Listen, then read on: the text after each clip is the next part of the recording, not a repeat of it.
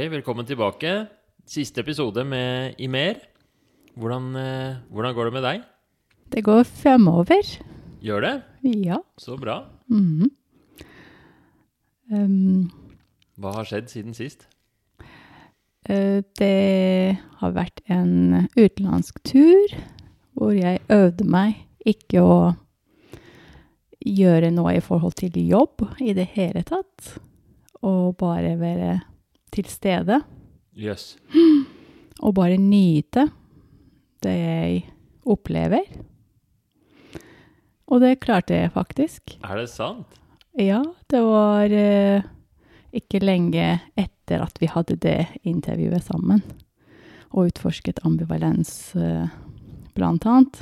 Mm. Så jeg eh, hadde eh, i hodet hva blir fordelene hvis Ja. jeg nå tillater meg selv å bare være til stede og ikke tenke på noe plikt og øh, krav eller forventninger, men bare oppleve livet her og nå. Og det var godt. Jeg kjedet meg ikke heller. Så fint. Ja, fordi var du litt redd for at du skulle kjede deg? Ja, det snakket vi om sist også, husker jeg. At eh, jeg aldri kjeder meg, men fordi at jeg alltid har noe, noe å holde på med. Um, og eh, om jeg kjeder meg hvis jeg bare nyter og koser og gjør liksom ingenting. Men som sagt, å leve livet innenfra også Mm. er veldig, ve veldig verdifullt i seg selv. Eh, Vil du fortelle litt mer om turen, og hvor du var, og hvordan det var, liksom? Mm, ja, det var en uh, helgtur, uh, lang helg i London. Mm. Og eh, det var en uh, bursdagsfeiring av min reiseledsager. Det var veldig koselig. Eh, vi tok det egentlig ganske med ro. Både eh, hadde kunst og litt kultur, og samtidig bare spiste god mat og um, ruslet i gatene og handlet litt og Ja. slappet av. Hadde du noe sånn eh, et øyeblikk som du tenker var annerledes nå enn det ville vært hvis du ikke hadde fokusert på dette her med mm, Ja, alt det som vi har snakket om og For nå, nå beskriver du at eh, at du mm, brukte Eller fokuserte på å liksom bare nyte, ikke tenke på jobb, liksom. Jeg, fri. Mm. jeg faktisk hadde PC-en med meg, laptopen, Mm. og jeg satte den i safe OK. på hotellrommet. Ja. Og så tok ett valg, eller ikke ett, men flere valg, i, i løpet av de dagene da jeg var der. Uh, skal jeg ta den ut og opp og jobbe med det? Uh, så ta tankene bare slå inn. Men jeg lot den til å passere, ja. Uh, uten at jeg uh, hoppet i tanken og gjorde det. Så du hadde, du hadde lyst til å begynne å jobbe og, og være travel, på en måte. Men siden du var bevisst på det, så valgte du å prioritere heller eh, å slappe av og være med venninna di. Og det var eh, et valg, virkelig. Et bevisst valg hver eneste gang. Og jeg er glad for at det var ikke en kamp heller, egentlig. Men uh, jeg hadde ikke sånn noen konflikt med meg selv, Ja. heldigvis. Tror du det hadde vært annerledes hvis, hadde, hvis vi ikke hadde hatt disse samtalene? Ja, det er akkurat det. Og så vi snakket om uh, det indre konfliktet, så jeg ble sånn klar over det eh, på en annen måte. Så jeg eh, lot meg ikke til å bli forstyrret. Ja. Hvordan ville Eh. turen sett ut hvis du Før, på en måte, eller hvis du hadde vært Jeg trodde det skulle blitt jo mer asosialt i det hele tatt. Fordi da blir jeg litt sånn oppslukt i det jeg skal eh, Jeg tenker jeg vil gjerne få gjort unna. Så jeg skulle være slått opp på PC-en, så begynne å engasjere meg i en eller annen oppgave. Altså, det tar jo tid. Og uh, isteden av å slå en hyggelig prat, eller uh, bare oppsummere dagen, eller planlegge hva gjør vi videre. uh, skulle andre ting ta over, da. Mm. Så jeg er veldig glad at den, eh, jeg eh, ønsket å være mer til stede i det relasjonelle òg. Ja. Så jeg gjorde en annen prioritering ja. den gangen. Så du, var, du eh, tok denne turen veldig på alvor og gjorde en veldig bevisst prioritering. Hvordan er det jeg har lyst til å bruke tiden nå som jeg er her? På bakgrunn av det du har utforsket med mm, mye knytta til Vi diskuterte jo jobb, og vi diskuterte litt sånn eh, utbrenthet. Eh, du snakket om at du i perioder eh, slet med å sove og mistet kontroll over matinntak og sånne ting. At det ble liksom Det balla litt på seg. Hvordan har det vært med de tingene der uh, siden det, eller har du merket noen sammenheng? Mm. Jeg igjen tok jo et grep i forhold til disse punktene. Fordi jeg eh, bestemte meg å legge fra meg all elektronikk fra halv elleve, kvart på elleve senest. Før elleve helst. Altså sånn helt sikkert. Ikke Mhm. som er helt sikkert. Um, og så uh, Jeg jo savnet å klare å lese noe sånn skjønnslitteratur. Så jeg tok ut den boka som jeg holdt på med, og så jeg, bare, jeg fant ut at egentlig jeg ble ganske fort trøtt, Ja. og sover ganske raskt. Og det fikk jeg som en rutine, mens før var jeg igjen litt sånn Vel, hadde veldig mye tanker i hodet, alt jeg skal Jeg skulle ha gjort i dag, alt jeg har gjort, OK, men alt jeg skal også gjøre, og alt jeg må gjøre dagen etter. Så det, liksom, vi snakker om tankekjør, så det var så mange tanker ja. om alt jeg må gjøre i hodet, som hindret meg til å sove i fred og ro. I tillegg alt jo ligger på skjermen, ikke sant, så det holder også våken, det lyset. Det er liksom Det virker som det har vært en sånn eh, Det er ganske mye forskjellige ting som har endret seg litt. Da. Det er både at du har tatt deg eh, Prioritert litt tid vekk fra jobb, og du har gjort en endring med, med litt sånn skjerm og sånt nå. Det, ofte så henger jo disse tingene sammen, da. Mm. At um, Det kan jo være Tror du du var veldig Altså før, før du kom hit første gangen, tror du du var veldig sliten? Eh, jeg var i hvert fall mer sliten enn eh, jeg opplever nå. Fordi jeg kjenner jo veldig godt hvordan et godt søvn gjør at jeg holder ut på en annen måte Ja. eh, utover dagen.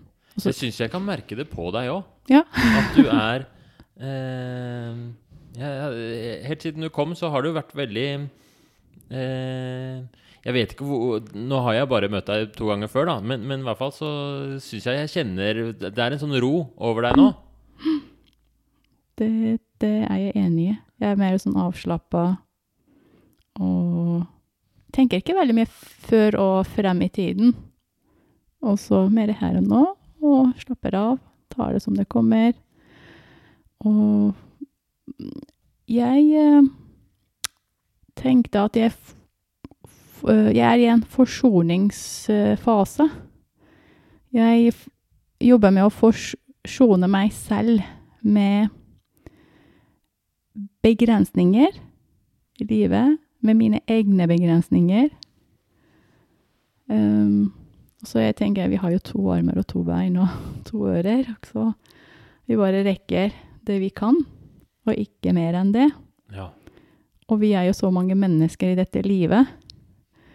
Så hvis det er ting som skal rekkes, da skal det gjøres av mange forskjellige mennesker. Jeg må ikke være den heltinnen som skal redde verden. Og jeg tror jo sånn sett har det vært veldig behagelig. Og det påvirket jo eksempel også matmønsteret. Jeg hadde jo selvfølgelig noen dager da jeg så også dårligere. Og så jeg ble så bevisst over at dette skjer hver gang jeg lar disse tankene til å bare kjøre sin vei. Mm. Jeg våkner eksempel klokken fem fortsatt. Ikke, ikke hver dag, da, men når, når jeg våkner uh, Nå i hvert fall klarer jeg å sove videre fordi jeg stopper opp tankene.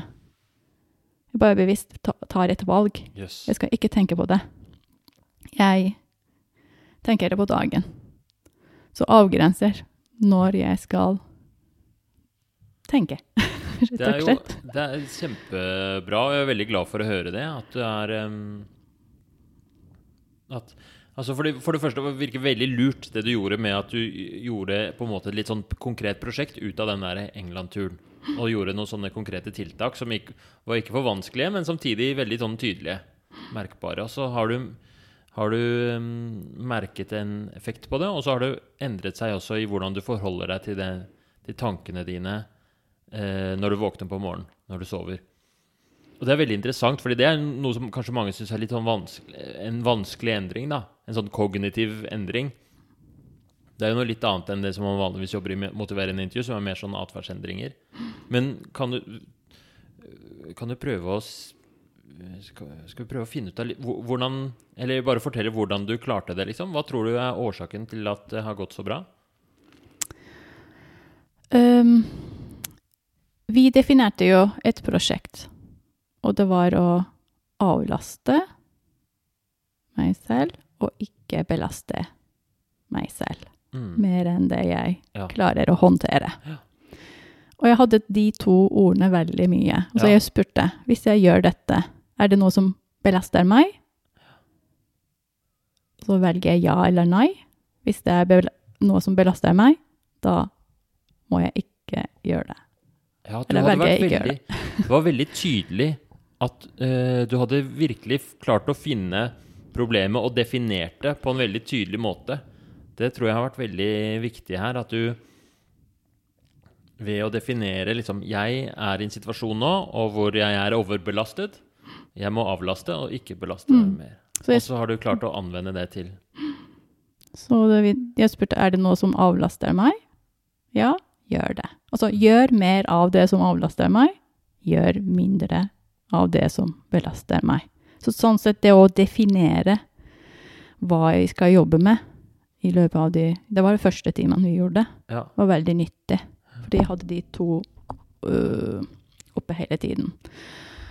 Og um, øh,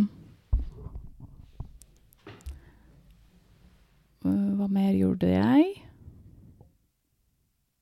Så, som sagt, det påvirket også Uh, matmønsteret mitt de dagene da jeg sov noe dårligere. Jeg kjente med en gang at jeg spiser mye mer energirik mat fordi jeg har så lite energi. ja, Og så jeg hadde overskudd i de dagene jeg så så godt. Da kunne jeg også planlegge og tenke og liksom Jeg ikke trengte å hive meg energirik mat. Det er veldig interessant det hvordan søvnkvalitet og kosthold henger sammen. At Hvis man har en dårlig natts søvn, så blir alt sånn derre sukkersug, alle sånne derre impulsivitet og tranger blir sterkere. Jeg, jeg har jo ADHD, og jeg merker det også veldig tydelig på, på Hvis jeg har litt dårlig søvn, så blir jo alle sånne symptomer Så er det impulsivitet mye, mye større. Det var en digresjon, Mm. beklager. Og så uh, i første timen, slutten av første timen vi snakket om også at jeg sliter med hodepine i perioder. Ja. Og uh, det var jo også Jeg tenkte det er en indikator òg. Faktisk siden første gang vi snakket sammen, har jeg ikke hatt det. Er det sant? Ja. Uh, fordi jeg bare sånn Jeg hadde et sånn ankerpunkt. Et startpunkt.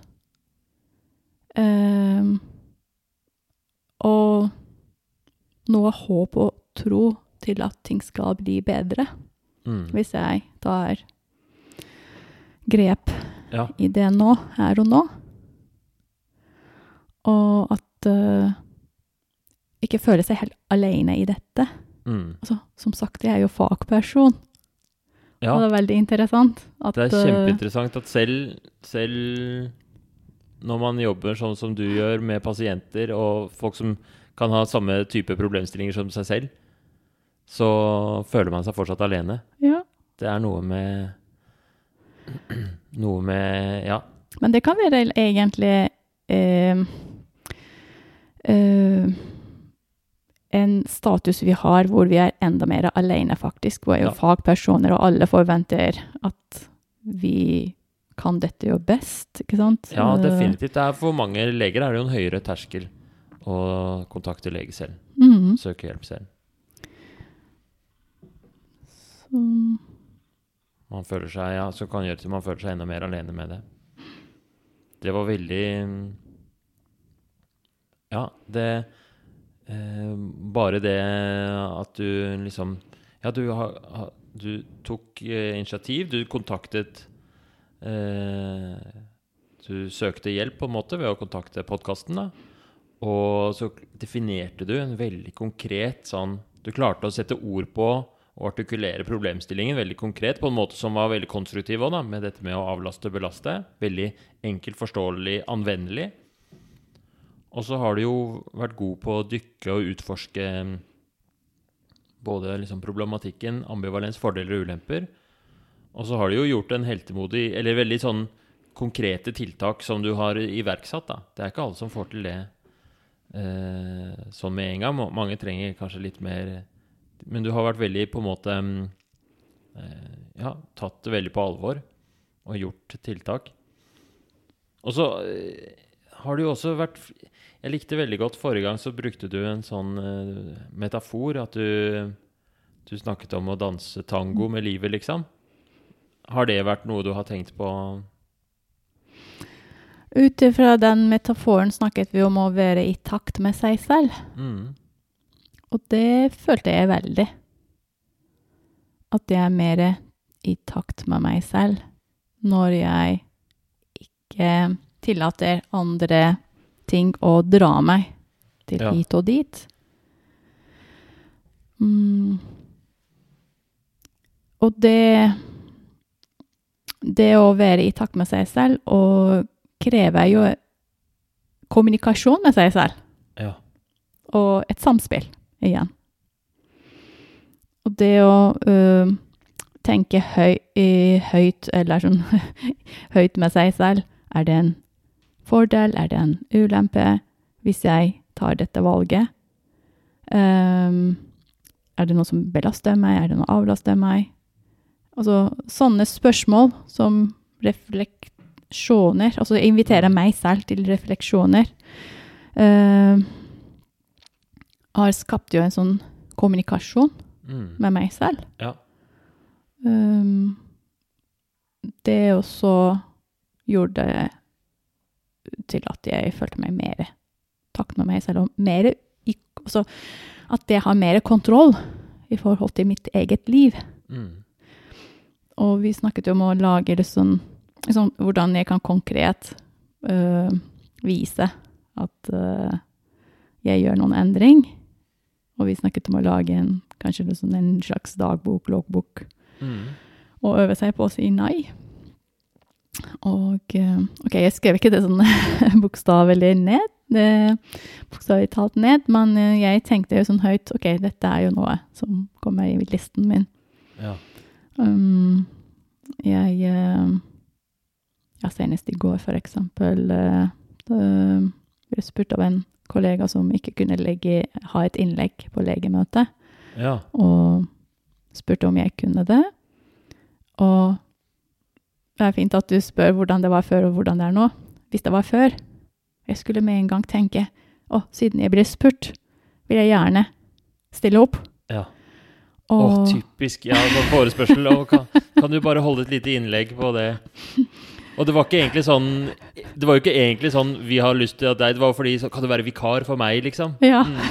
Mm. Så jeg kunne bare si eh, ja, selvfølgelig. Um, men nå tenkte jeg ja, jeg kan sikkert gjøre det, tenkte jeg inni meg selv. Hva koster dette for meg? Og jeg tenkte veldig fort hva har jeg de dagene fremover? Jeg er jo stappfull allerede. Og dette var jo kommer til å stresse meg. Så sånn, et spørsmål sånn Stresser dette meg? Ja. Ikke gjør det. Fantastisk. Jeg er så stolt. Gir dette glede til deg? Ja, gjør det. Nemlig. Og så perfekt med sånn konkret eksempel på hvordan, um, en situasjon hvor øh, Hvor det er så lett å si ja til den tingen. Og så sitter man plutselig i en situasjon hvor man føler seg forpliktet og stresser med det. Og hvis den personen hadde visst hvor mye du hadde stressa med det, så hadde de jo ikke spurt engang. For de hadde jo ikke villet Ingen ville jo det, liksom. Og øh, kan jeg bare si en ting? Øh, Vi har også snakket om at hva var fordelen med å fortsette med å si ja siste gang? Og da det å gjøre en annen person glad øh, og tilfreds, og at øh, jeg blir litt sånn Altså den andre selvfølgelig blir jo sånn takknemlig og beundrer at, og, at jeg kunne steppe inn og sånn, var jo noe som var en god følelse. Um, men den gangen tenkte jeg at uh, uh, Det er uh, noen andre som kan gjerne ha gleden og gi glede Ja. til andre òg.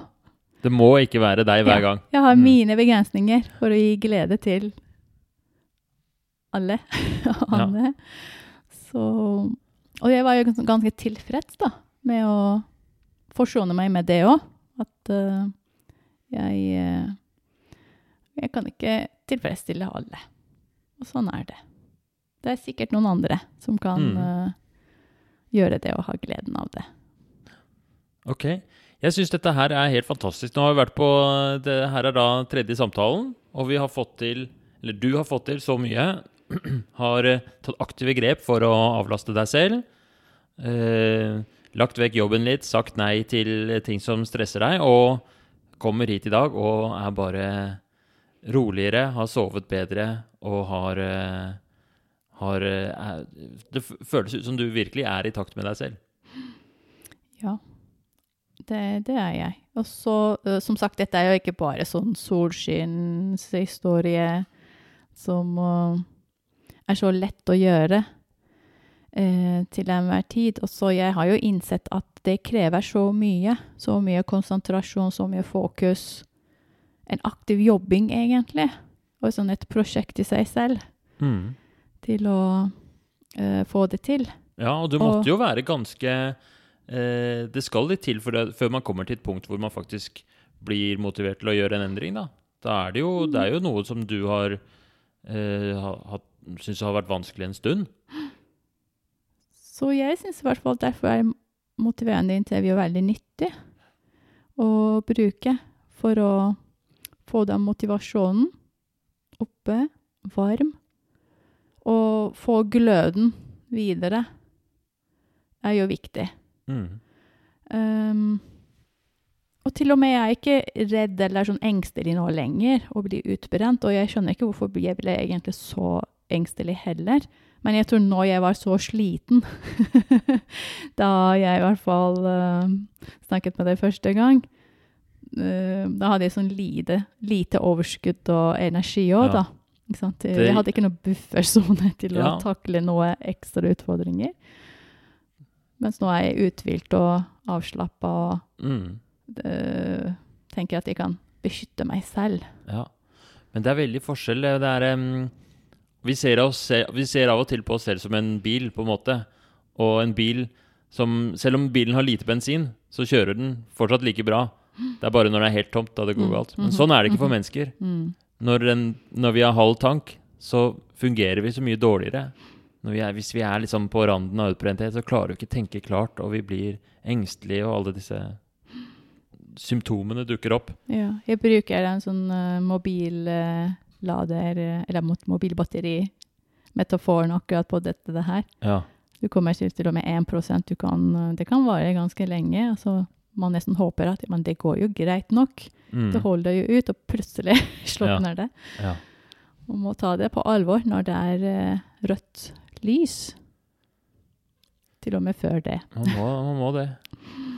Jeg tenkte vi kunne avslutte litt med å um, bare um, eh, Eller hvis eh, Jeg tenkte å gjøre en liten sånn øvelse hvor vi snakker om eh, verdier. -hmm. Bare fordi det er nye, noe jeg syns er veldig interessant, og som er eh, eh, en fin avslutning på en sånn eh, Et sånt lite program vi har hatt nå, da. Men er det noe, før vi begynner med det, er det noe du tenker er viktig at eh, vi går gjennom, eller vi oppsummerer, eller vi får, Mm. Er det noe mer? En ting jeg eh, tenkte på, er eh, nå hvis det at det er en avslutning. Og så, siden jeg eh, pliktet meg til eh, disse møtene med deg over eh, disse ukene, visste jeg i hvert fall jeg har en sånn, igjen sånn ankerpunkt, og holdt det, holdt det, det vi jobbet med veldig aktivt. Mm. Og jeg tenkte på hvordan skal jeg da vedlikeholde den Ja. jobbingen videre. Ja. Det er sånn som folk er i terapi, ikke sant? Mm. Så avslutningsfasen er jo ganske viktig Ja. uh, for å eh, både vedlikeholde den bedringen og hindre tilbakefall. Så jeg tenkte litt eh, om det selv, og ville jo gjerne høre med deg. Er det noen eh, tips, anbefaling, noen kloke ting du tenker hvordan det man får ut av MI, kan Mm. vedlikeholdes over tid? Det var et eh, godt og spennende spørsmål. Så um, jeg tenker definitivt at, at uh, denne type samtaler er jo verdifullt å ha og repetere. Og, og uh, man kan jo ikke alltids uh, På samme måte som en Ja, eller man, man, man man har jo ikke alltid mulighet til å gå til en eh, profesjonell for motiverende intervju. Men metoden og prinsippene er jo veldig enkle, egentlig. Dette med å utforske fordeler og ulemper med ting, og, og sette ord på det. Og gjerne med en velvillig lyttende samtalepartner.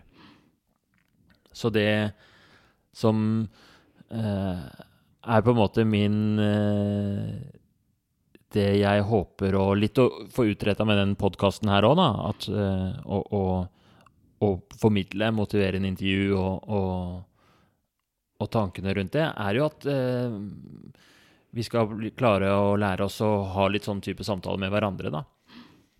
Og jeg vet ikke om du Nå har jo du masse erfaring med samtaleterapi, men hva tenker du om det, egentlig? Å, å snakke med venner og familie og, og prøve å på en måte snakke litt om ambivalens inni det. Inni der, i, i, i, situasjoner som ikke nødvendigvis er sånn terapiaktige situasjoner. Mm.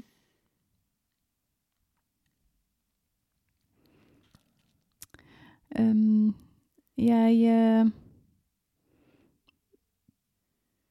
tenker jeg at uh, jeg kan bruke i hvert fall uh, min, mitt miljø krets som et arena til å øve meg til enhver tid med å avgrense meg med oppgaver som kan belaste meg, og så jeg kan få det i kommunikasjon. Og så kolleger og venner. Hvis jeg eh, skal eh, føle at det blir for mye nå, kan jeg si om det. Mm. Si ifra om det. Og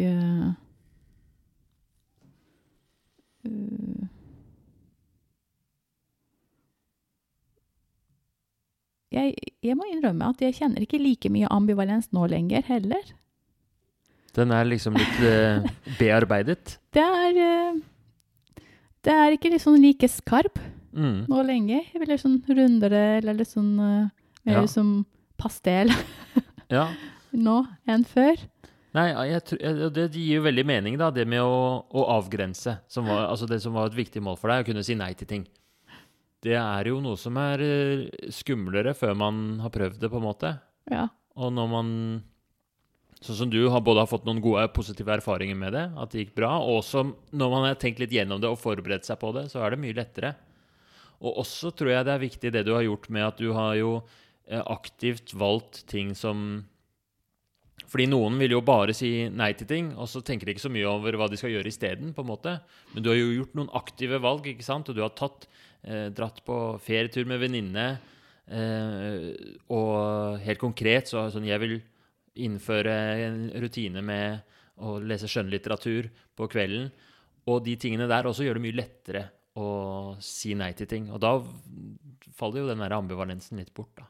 Mm, det tror jeg. Og så har jeg sluttet å gruble også med tankene. Når jeg sa nei takk, og så tenkte ikke mer over eh, hva andre skal, hva tenker på, hvordan det blir forhold til den andre personen, Mm. og få nei-svar osv. Så, videre. så jeg Ja.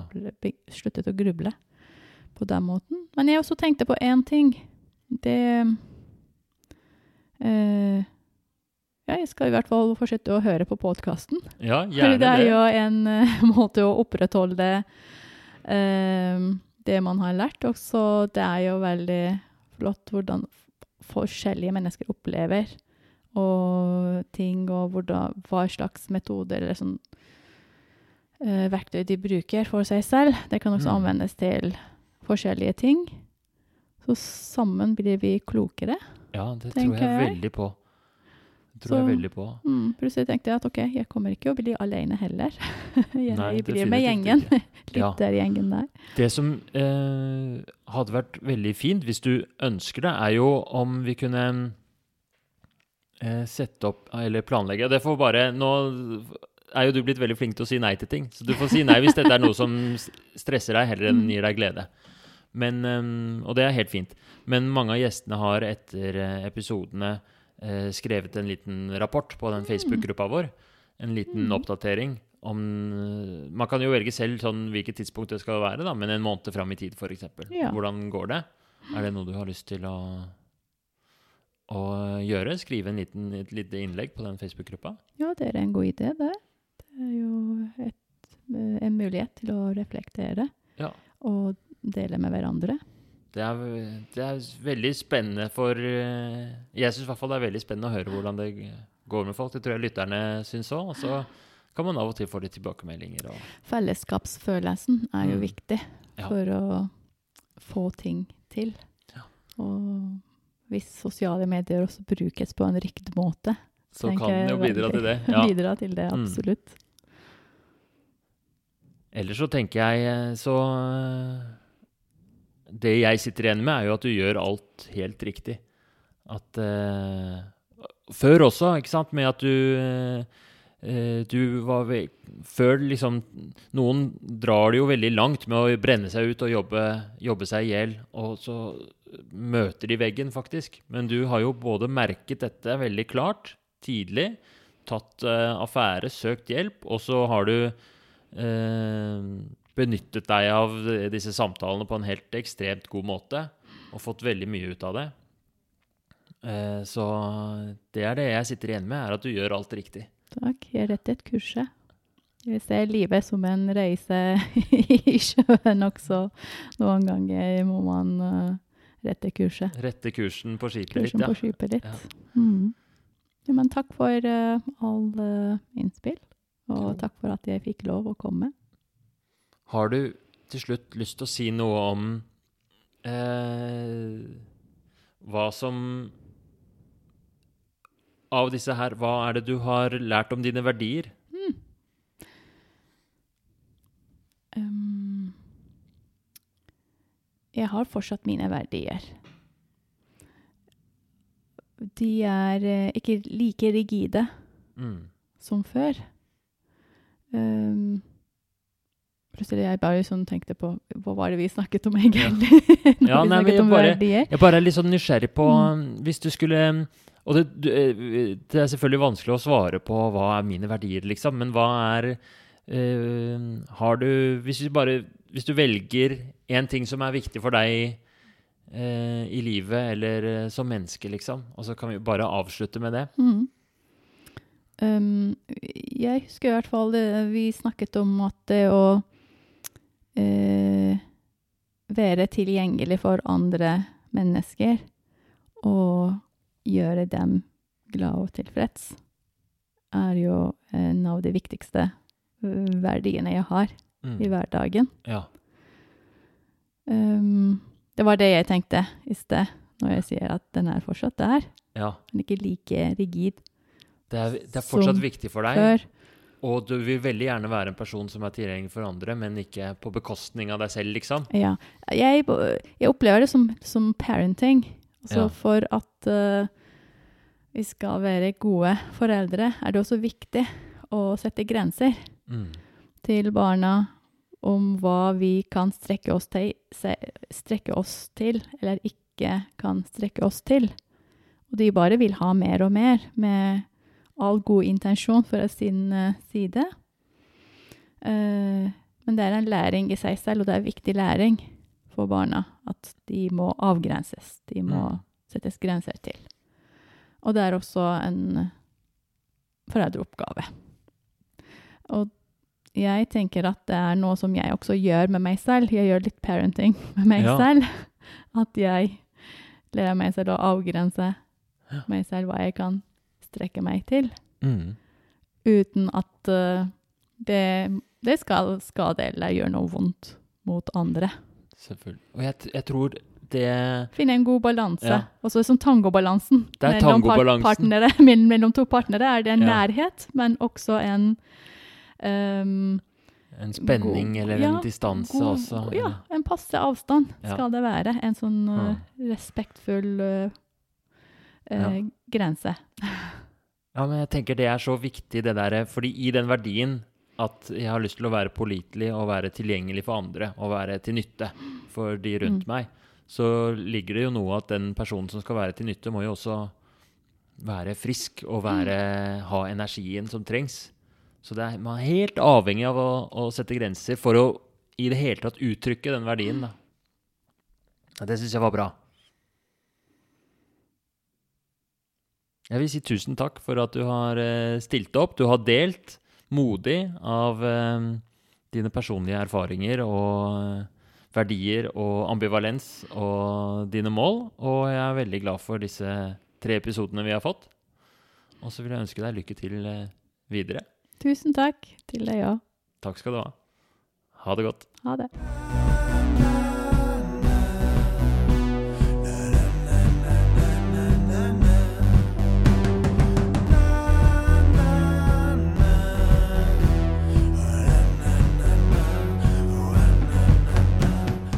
Yes, det var siste samtale med Imer. Jeg er glad for at du hadde en så god opplevelse av de her eh, samtalene vi har hatt. Og det virker som hun er på et veldig godt sted nå, da. Eh, hun hadde altså en voldsom sånn Helt fra hun kom inn døra her, en voldsom ro og uh, virka så glad og avslappa. Jeg merka tydelig en forskjell, faktisk.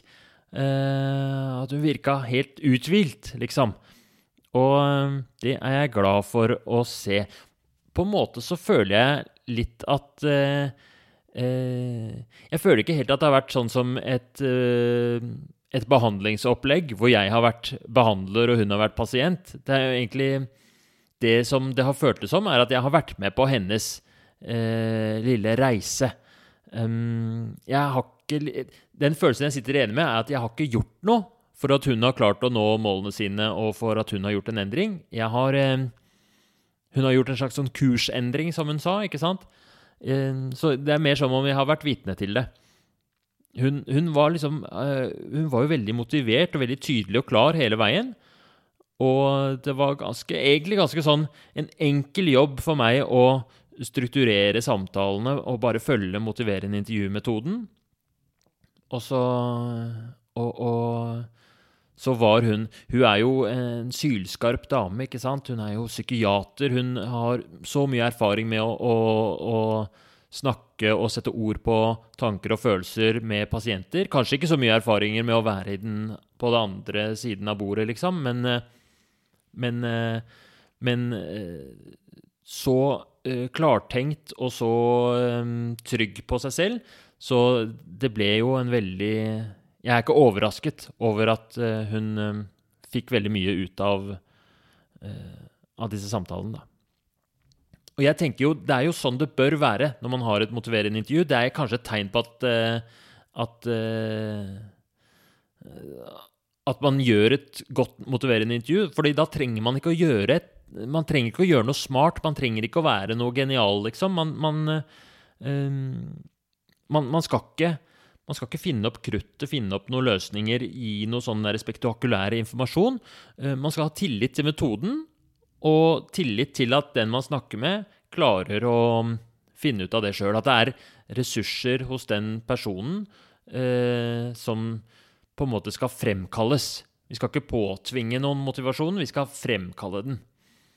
Og den innstillinga der er jo den derre Det er det som Når jeg driver og underviser medisinstudenter i det her, vi har jo sånne smågrupper, og, og, og det, er, det, er, kanskje det som er det vanskeligste.